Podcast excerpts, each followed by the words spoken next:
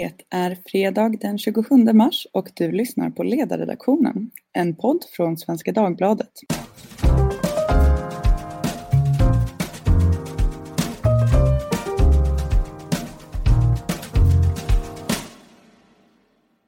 Jag heter Katarina Karkainen och idag ska vi prata om utrikes och säkerhetspolitik i dessa osäkra tidevarv. Med mig för att tala om detta har jag tre riktiga experter, nämligen Gunnar Hökmark, tidigare moderat Europaparlamentariker och nu ordförande för tankesmedjan Frivärd som bedriver opinionsbildning inom utrikes och säkerhetspolitiska frågor på frihetlig värdegrund. Välkommen till podden! Tack så mycket!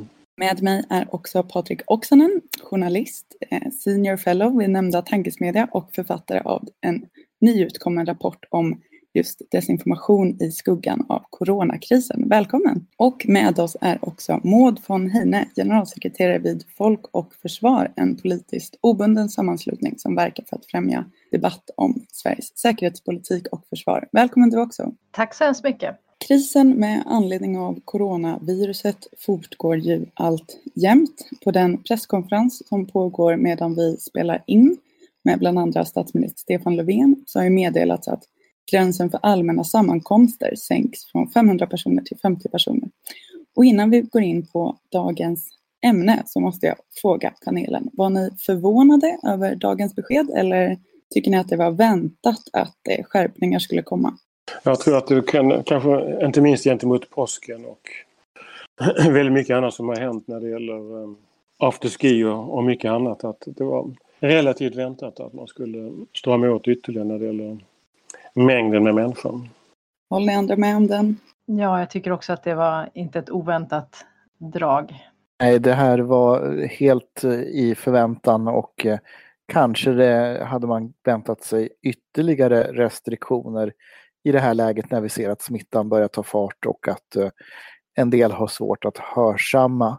Men den svenska modellen lägger ju stort ansvar på individerna och det är ju nu som vi får se prövningens stund på allvar. Ja, viruset och situationen med anledning av det fortgår och det påverkar naturligtvis samhällets alla sfärer. Ett område som i min värld har varit mindre bevakat och diskuterat än andra är kanske hur den här krisen påverkar världspolitiken och relationen mellan olika länder och andra globala aktörer. Min allra första och väldigt breda fråga lyder Finns det händelser eller skeenden inom utrikes och säkerhetspolitiken som vi riskerar att missa nu under det stora fokuset på själva viruset? Ja, om jag får börja. Det, det tror jag är en väldigt stor risk därför att det, det finns en så väldig fokusering på pandemin och hur vi ska bekämpa den. Så, så, att det finns en risk att man glömmer ett antal andra saker som vi också måste kunna göra. Det handlar dels om att hindra ekonomin att falla i ett fritt fall. Men också att vi i detta plötsligt får helt nya geopolitiska förhållanden. Och i, I den delen så drabbar den här pandemin Europa och världen i en tid då vi redan från början är dåligt förberedda i den bemärkelsen att i USA har vi en president som, som ser omvärlden som det stora bekymret och nästan direkt emot globalt eller internationellt samarbete. Och så har vi en framväxande kinesisk ekonomi och en, en kinesisk stormakt som gör väldigt stora anspråk på att utöva makt över andra. Vi har ju sett det i propagandans former, vi ser det även i andra former. Jag tror också att det är viktigt att eh, följa de eh, konflikter och spänningar som har funnits redan innan den här krisen bröt ut och eh, de kommer vi säkert se att de antingen förstärks eller förändras under den här tiden. Och just nu när det pågår så är det naturligtvis fokus på själva hälso och sjukvårdsfrågorna och och ekonomi och beredskapsfrågor. Men eh, jag tror att man ska inte tappa fokus på utrikes och säkerhetspolitiken också. Vi, vi ser ju redan hur EU-kommissionen tar höjd för det här. Eh, jag tänker bland annat då på Ursula von der Leyen som jag tror var ute igår och pratade om att man sätter upp riktlinjer för att inte då strategiska företag och strategisk infrastruktur då som eh, kommer att behöva pengar efter krisen köps upp av aktörer utanför EU. Eh, och det är ju underförstått mycket Kina det handlar om. Eh, och det är klart att våra ekonomier kommer att vara sköra under en period här och om vi inte ser upp så, så kan vi ju då tappa kontrollen över nyckelinfrastrukturer ifall vi är fortsatt naiva. Sen så finns det ju andra saker, andra aktörer som kan komma att passa på att göra saker när fokuset eh, är någon annanstans. Så att där får vi väl hoppas på att vi klarar av att hålla en uppmärksamhet på vad som händer. Ja, Säkerhetspolisen hade ju en presskonferens häromdagen och varnade för just att främmande makt utnyttjar coronakrisen för att skada Sverige. Hur tar det här sig uttryck och på vilket sätt, jag utgår från att vi på många sätt är mer sårbara nu. Dels är vi sårbara för att människor är väldigt oroliga. Dels är vi sårbara därför att det är lätt att så misstro mot hur myndigheter agerar i en kris. Det är av en kris allra mest fundamentala kännetecken att, att uh, olika uppfattningar, rykten, uh, motsättningar lätt, lätt blommar upp. Men, men sen är det klart att um, i en väldigt svag ekonomi så riskerar vi förlora andra värden också. Eh, vi lever sedan en lång tid tillbaka i vad vi skulle kunna kalla en gråzonens krigföring. Där kriget inte i huvudsak utkämpas genom konventionella eh, styrkor och väpnade förband utan genom desinformation, påtryckningar, hot, eh, cyberhacking, cyberkrigföring, spionage, underrättelse, korruption och så vidare. En lång rad olika saker i den grå zonen. Och, och som delvis är avhängigt av ekonomisk styrka. Och, och ju svagare Europa blir, ju mer utsatta blir vi. Och, och ju starkare Kina blir och det finns risker för att Kina kommer att gå ut relativt starkare ur den här krisen än vad Europa och USA gör. Så det är klart att då har det väldigt stora konsekvenser för stabilitet och säkerhet i vår del av världen och den geopolitiska balansen. Ja, det finns ju främmande makter och olika aktörer som sedan lång tid tillbaka har försökt påverka oss genom att så splitt och misstro inom våra samhällen och eh, så splitter mellan olika internationella aktörer också. Eh, och de passar naturligtvis på i en sån här situation. Det finns ju eh, alla förutsättningar för att påverka på olika sätt och det har ju Patrik med flera bland annat utrett ganska mycket så att Patrik, du kan säkert kommentera det här vidare. Ja precis, Patrik, du har ju skrivit mycket om desinformation och propaganda som delar av hybridkrigföring och du har alldeles nyligen också varit med och givit ut den här rapporten på Frivärd, informationspandemi, desinformation i skuggan av coronakrisen. Vad kom ni fram till i den?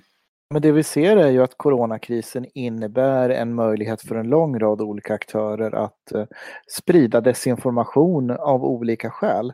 Och när vi pratar då säkerhetspolitik så ser vi ju framförallt att det är två statsaktörer som sticker ut och det är Ryssland och det är Kina eh, som gör det här på en, en, en stor skara Eh, och eh, det som vi tycker var, var särskilt anmärkningsvärt att notera är ju att Kina nu mer och mer tycks anpassa sig efter den ryska spelboken. Den ryska spelboken går ju ut på att sprida desinformation, eh, förvirring, många olika teorier i syfte då att, att eh, lamslå våra samhällens kognitiva förmåga att förstå ett problem. Eh, när ingenting är sant så blir allting möjligt för att citera Peter Pomerantsev författaren som skrivit en bok på just det temat.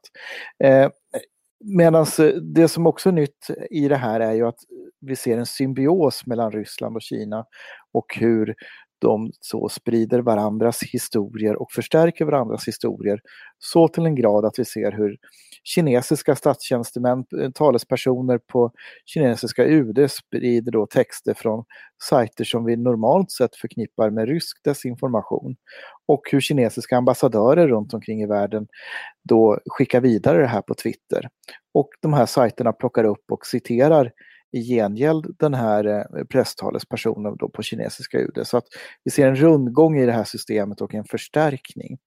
Eh, och det är någonting eh, vi tidigare inte har noterat. Det där beror lite grann på att alla desinformatörer är per automatik varandras allierade. Eftersom det inte handlar i första hand om att sätta en bild som ska vara faktisk eller påstådd sanning. Utan just desinformera, skapa en inflation i vad sanning är så innebär det att varje rykte som sprids vidare bidrar till att underminera förmågan att veta vad som, som är rätt och fel.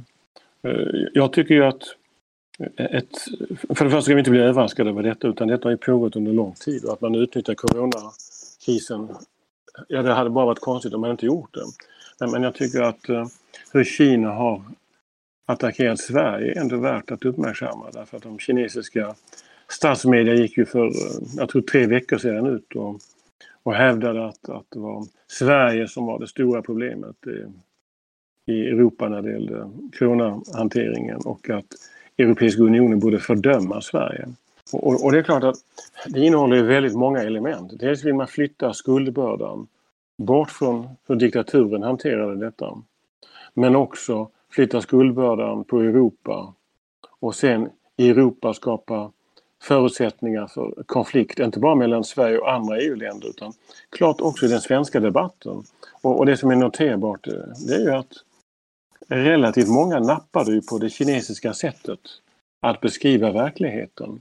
Dels därför att man vill vara kritiska mot offentliga myndigheter i Sverige men också för att man på något sätt alltid vill finna någon annan sanning. Och, och, och till och med ledarskribenter som hävdade att vi nog bör, vara försiktiga med att, Eh, att, att reagera mot detta därför att Kina är en stormakt som, som vi också därför bör behandla som en stormakt som kan ställa krav och som kan hota. Det är, en, det är en livsfarlig utveckling om vi går den vägen. Men eh, det är viktigt att se att detta är något som pågår just nu även i det svenska samhället. En slags eftergivenhetens attityd men också en vilja att, att tro på desinformationen därför att den strider mot det som det offentliga Sverige säger. Och där finns också en viktig aspekt eh, att titta på. Och det, det handlar ju om att Eh, eh det här med den här typen av spridande är ju en del i att forma Kinas position i världen. Kinas mål, ska vi ju komma ihåg, är ju att vara den ledande makten till 2050 när eh, kommunistpartiet har firat 100 år. Och den kinesiska modellen innebär ju, om vi ska hårdra det lite grann, att man erbjuder välstånd mot eh, lydnad till kommunistpartiet. Eh, och det är den här världsordningen som man försöker trycka på resten av världen nu. Och eh, tydligen så blir då en del mottagliga när det då handlar om, när man kan börja argumentera att det handlar om att skydda svenska liv. Ska vi sätta svenska liv mot vår tystnad? Eh, och då är ju vi ute på ett väldigt tunn, tunn is, precis som Gunnar är inne på. Just eh, Kina har ju varit eh, något av en huvudaktör under den här krisen på, på flera sätt. Jag vill gärna stanna vid just det en liten stund om ni har möjlighet att beskriva ytterligare mer ingående. Vad är deras narrativ och agenda och hur tar det sig uttryck nu specifikt under de här senaste veckorna? Ja, men väldigt specifikt så, så handlar det om att projicera bilden av att Kina har varit väldigt framgångsrika att bekämpa coronaviruset genom sina hårdföra metoder, sina sin hårda nedstängning, sin auktoritära modell. Eh, och att eh, Kina vill också framstå som den stora generösa hjälpande partnern som skickar nu eh, läkemedel, ehm, eh, skyddsutrustningar, läkare, experter världen runt för att sätta stopp på den här smittan som Kina redan framgångsrikt har klarat av. Det är den berättelsen man försöker sätta man försöker skriva om historien om coronaviruset och varför vi har det Eh, med alla medel man kan. Och eh, det är en kombination av, av eh, agerande med, med högprofilleveranser med flygplan med där med kinesiska flaggor och läkare med munskydd kliver ut med kinesiska flaggor och, och mottas till exempel som i Serbien av Serbiens president och eh, armbågshälsar med dem. Alltså klassisk storskalig propaganda. Och den propagandan är ju riktad både inåt, in i Kina eh, och utåt. Det är viktigt att komma ihåg det senare. Det är lika mycket riktat inåt som utåt. Det här är diktatur, diktaturens logik och diktaturens tunga. Eh, för, för de kinesiska ledarna är ju det som hände i Wuhan med utbrottet är ju ett fundamentalt misslyckande som ju också skapade väldigt mycket bråk och kritik på nätet och där man har gjort vad man har kunnat för att ingripa för att tysta.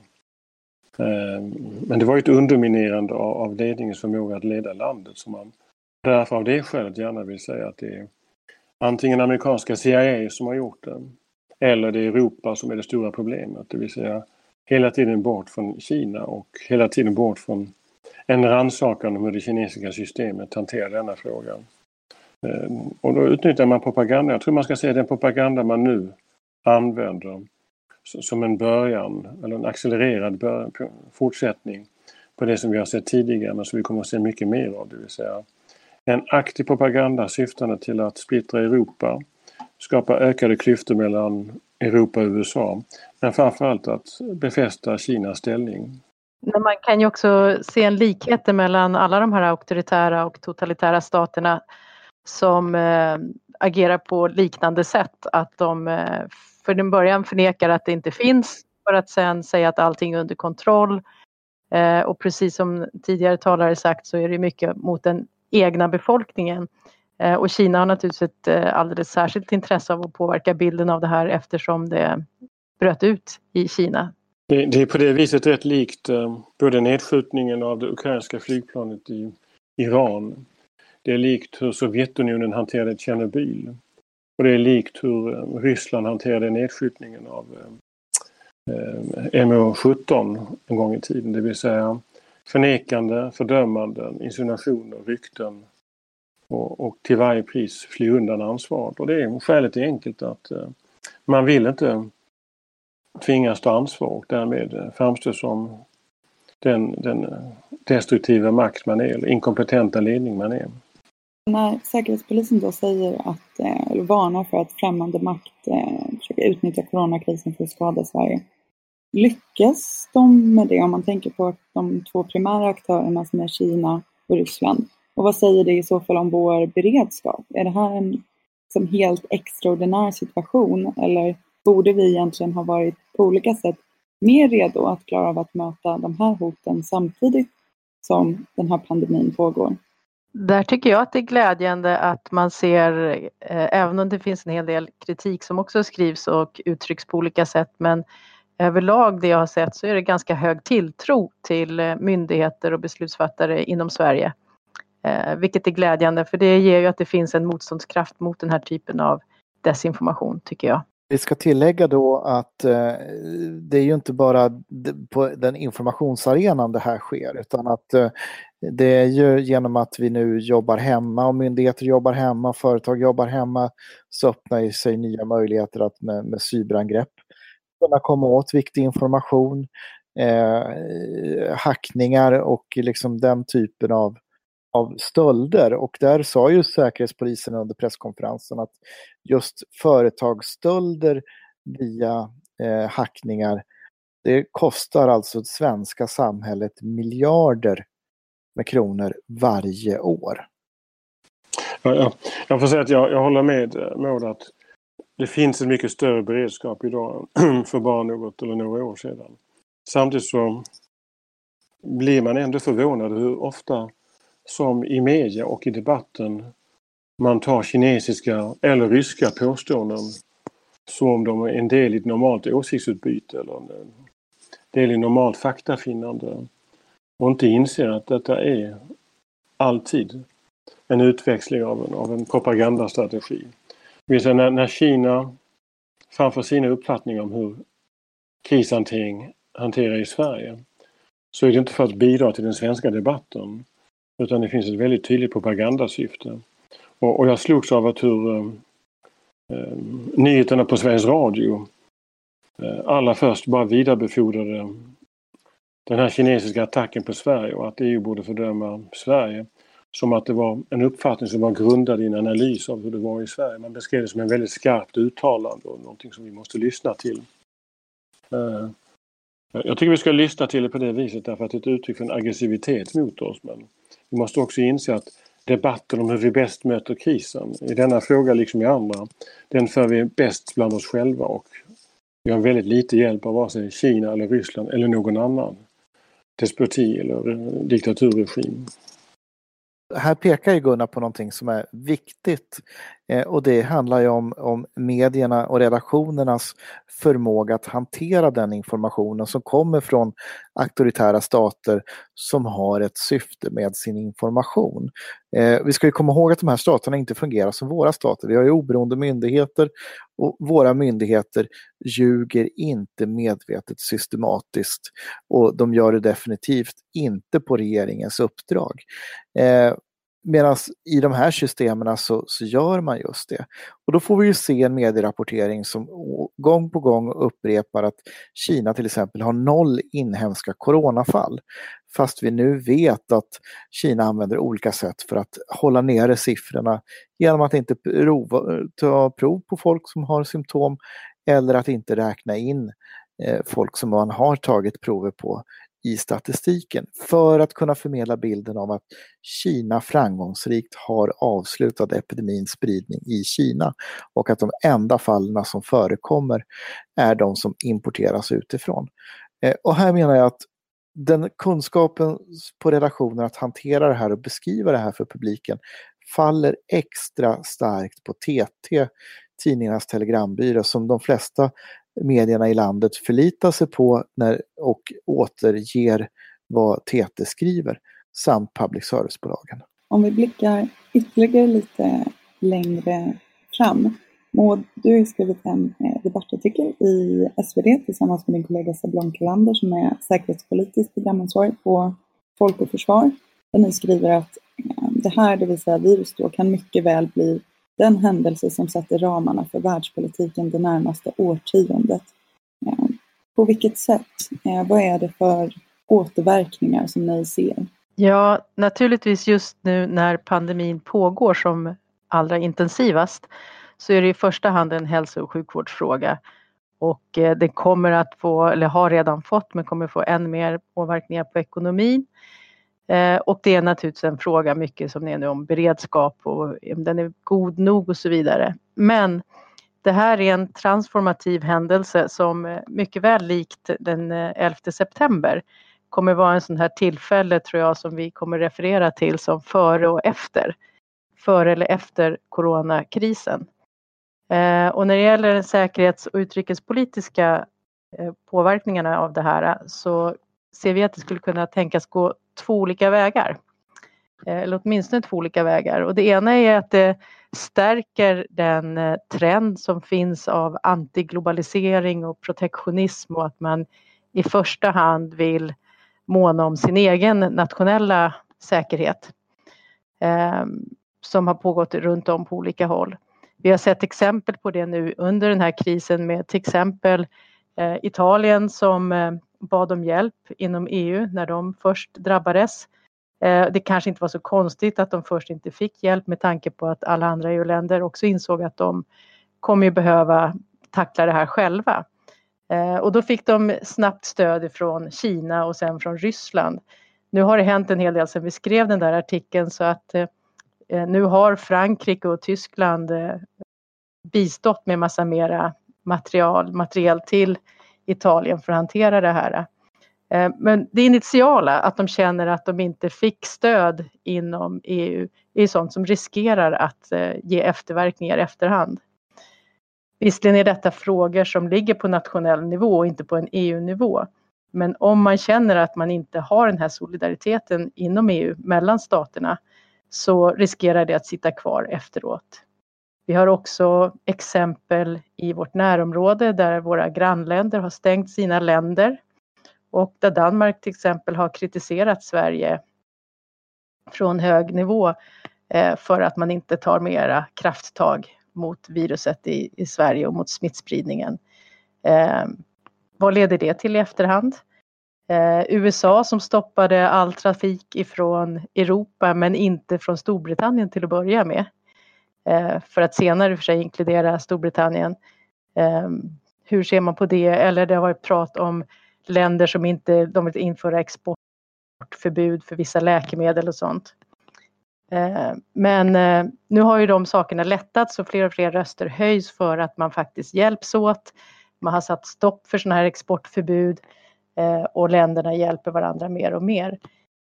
Så att det kan gå ena vägen att det förstärker det här med nationalism och protektionism eller att man inser att världen är så globalt sammanflätad så vi kommer inte klara en sån här stor kris utan samarbete. Att den har blivit en global pandemi beror ju på att vi är så sammanflätade med varandra. Att vi reser runt i hela världen, att vi handlar med varandra, jobbar med varandra, gränserna är mer eller mindre öppna på olika håll.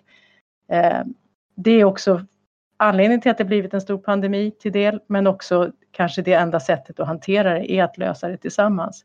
Så det kan gå lite två olika vägar. Det beror på hur olika aktörer agerar. Här spelar ju desinformationen in, för det är ju precis det, det, eh, det som till exempel rysk propaganda försöker åstadkomma. Att bygga på känslan i Italien att man är lämnad ensam åt sitt öde. Så att ryska intressen och även då för Kinas fall kinesiska intressen kan flytta fram sina positioner eh, och i Ryssland vill ju bryta upp EU. Så att här finns ju en förstärkningseffekt kognitivt och det här har vi ju sett också hur det sprids eh, till exempel bilder på eh, rysk hjälp, kinesisk hjälp, eh, även Kuba har skickat läkare. Eh, och då målar man ju upp bilden att de sanna vännerna till italienska folket, det är de här tre diktaturerna. Medan de demokratiska vännerna inte syns. Eh, Tyskland tar ju nu emot eh, då eh, patienter från Italien också avlastar den italienska sjukvården på det sättet. Eh, och EU gör ju gemensam upphandling inom tre, tre stora upphandlingar för att möta efterfrågan eh, i EU-länderna på massa skyddsmaterial också. Så att vi gör saker men vi är dåliga på att kommunicera det. Säger du Gunnar, det är en bred fråga men om du ändå nödgas svara på den. Vad är dina fem cent om världsordningen post-corona? Jag, jag, tror att, för att anknyta till det som Maud sa, jag tror att det är inte så att vi, det är antingen den ena eller andra vägen utan jag tror att vi kommer att se både ökad nationalism som vi redan ser men också en ökad insikt av europeiskt och globalt samarbete och, och, och det kan synas paradoxalt men, men, men de facto så ser vi ju nu hur, hur det europeiska samarbetet när det gäller medicinsk utrustning och hälsovård plötsligt tar ny fart. Trots att det inte har varit en gemensam kompetens när det gäller eh, hälsovård. Och, och, och det är som Patrik sa, att den stora volymen av, av hjälp kommer nu mellan europeiska länder som en del i det normala flödet av varor och tjänster. Eh, jag, jag tror att vad som gör allting mycket farligare just nu det är att USA redan tidigare går så mycket sin egen väg under Trump och Eh, nästan blir som ett svart hål för vettigt beslutsfattande i, i den här processen. Det, det är väldigt allvarligt och, och, och mig säger det egentligen att då är det desto viktigare att Europa, Europeiska unionen, eh, försöker sätta sig och, och vara ett centrum för internationellt samarbete med, med den fria världens länder och, och den vägen få med USA i, i det långa, förhoppningsvis, förhoppningsvis korta loppet också. Eh, men, men jag tror att vi måste eh, ha förmågan att hålla tre tankar i huvudet just nu. Bekämpa pandemin, hantera ekonomin så den inte hamnar i ett fritt fall och dessutom förbereda oss för den nya tid av geopolitiska utmaningar som, som vi ser i spåren av detta. På den noten, vi måste alldeles strax runda av, men ni övriga ska också få göra ett sista medskick här, nämligen vad menar ni är det viktigaste att göra och komma ihåg det, kanske både för svensk och europeisk del. Jag vill understryka är ju att det här skapar en möjlighet att nu genomföra nödvändiga reformer. Det här katalyserar eh, och vi ser ju behoven. Vi lär ju knappast ha en diskussion i Sverige nu efter det här om vikten om beredskapsförråd. Eh, jag tror till och med att vi kommer att få en, en diskussion om vilka resurser ska vi kunna då eh, säkra att vi kan producera själva eller tillsammans med en grupp andra länder eh, inom ramen för EU eh, till exempel. Så att jag tror att det här kommer att leda till att vi ser förändringar i vårt sätt att agera och minimera risker som kanske hade tagit tio år annars. Det kommer vi se hända på ett eller två år. Jag hoppas att vi ska klara oss igenom den här krisen utan allt för oerhörda konsekvenser vare sig på hälsoläget eller på ekonomin. Eh, och är övertygad om att det kommer finnas massor av erfarenheter som vi kan dra av det här eh, för att kunna hantera en framtida kris oavsett vad den beror på, på ett bättre sätt. Mm. Jag skulle vilja säga att det viktigaste är att vi tvättar händerna och har klarsyn när det gäller hur världen ser ut. Det sagt så har det blivit dags att runda av, men det är fredag och jag måste ställa vår traditionsenliga fråga, nämligen vad ska ni göra i VM och har ni några tips? Sitter ni i isolering nu och hur tycker ni i så fall att man bäst ägnar den? Jag stödjer den eh, lokala krogen som eh, med att eh, ha beställt hämtmat tre rätter för lördag. Jag hoppas på ett vackert väder för att gå ut och njuta av det friska, vår, fina vårvädret utan risk för smitta i naturen. Jag hoppas också på vackert väder, två meters avstånd och stöd till lokala krogar. Fint väder verkar det faktiskt också bli i stora delar av landet. Jag tycker att det var utmärkta tips. Kanske var det enda tillägget att den som har fått ett lite lugnare tempo de senaste veckorna med fördel tillbringar helgen med en god bok. Eller tänkte jag börja ta mig an Anders Fogelström och Stadserien och då kanske flytta ut läsningen i solen. Nu vill jag säga stort tack till dagens panel bestående av Gunnar Hökmark, Patrik Oksanen och Maud von Heimen. Tack också till er som har lyssnat. Om ni har frågor eller synpunkter får ni som vanligt gärna höra av er till ledarsidan svd.se. Tack för idag, trevlig helg!